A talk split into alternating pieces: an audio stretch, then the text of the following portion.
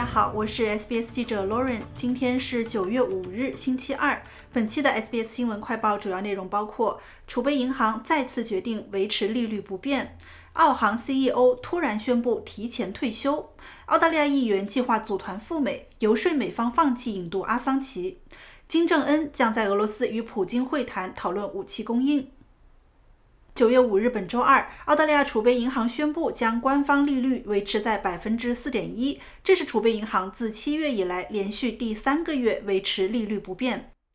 不过，储备银行也表示，通胀率过高，而且将在相当长的一段时间内保持在高位。尽管通胀率已过了最高点，但未来几个月再次加息的可能性仍然存在。此前，专家们普遍预测，由于通货膨胀数据相对疲软，失业率略有上升，本月的利率仍将保持不变。与此同时，本周二也是菲利普·洛伊的储备银行行长任期内最后一次董事会会议，他将于九月十八日将领导权移交给米歇尔·布洛克。数字银行 Judo Bank 经济学家沃伦·霍根表示，通胀正在按照储备银行的预测放缓，这给了董事会喘息的空间，使其可以坐下来继续监测九月份的通胀情况。但他表示，现在庆祝还为时过早，经济的相对热度是他关注的重点。强劲的零售销售数字和强劲的企业投资是经济复苏的指标。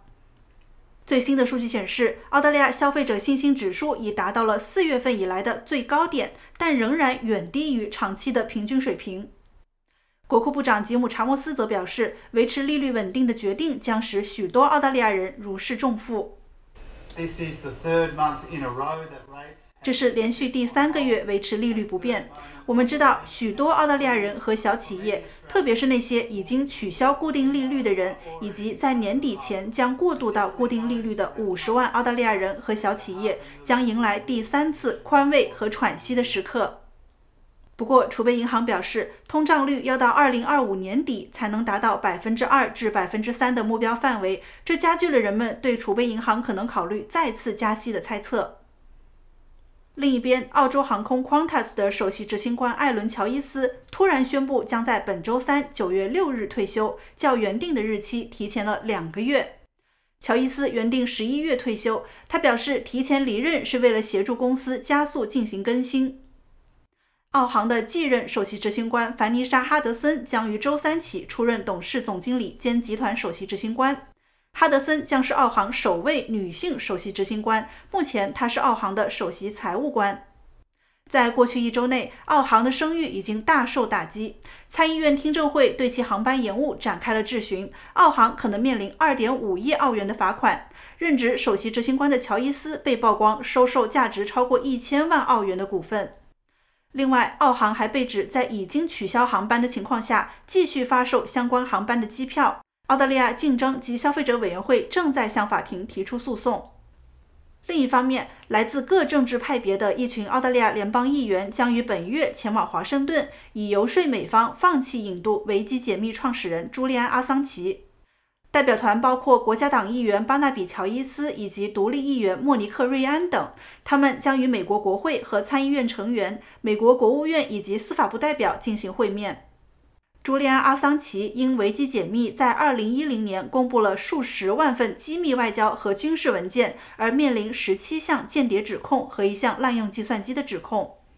代表团成员国家党议员乔伊斯表示，他们期望在本月的两天访问中得到公平听证。并强调，他们是基于一系列的原则提出的上诉，其中一个关键原则是，他们认为起诉阿桑奇开创了一个危险的先例。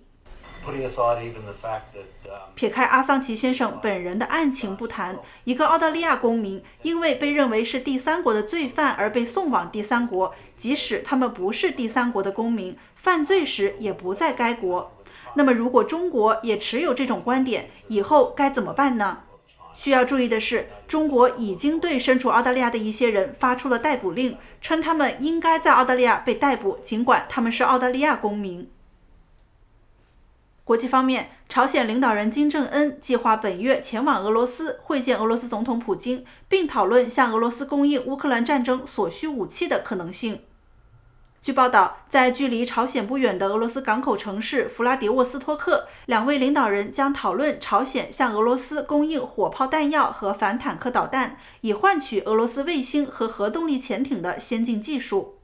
俄罗斯和朝鲜最近呼吁加强军事联系。此前，俄罗斯曾表示正在讨论与朝鲜举行联合军事演习的问题。朝鲜自2006年以来进行了六次核试验，且近年来一直在试射各种导弹，但很少与邻国举行军事演习。而美国及其盟国韩国定期会举行军事演习，而朝鲜谴责这些演习是对其进行战争准备。感谢收听本期的 SBS 新闻快报，在任何播客平台搜索 SBS 普通话，点击订阅，开启消息提醒，即可了解澳洲国内外新闻及社区资讯。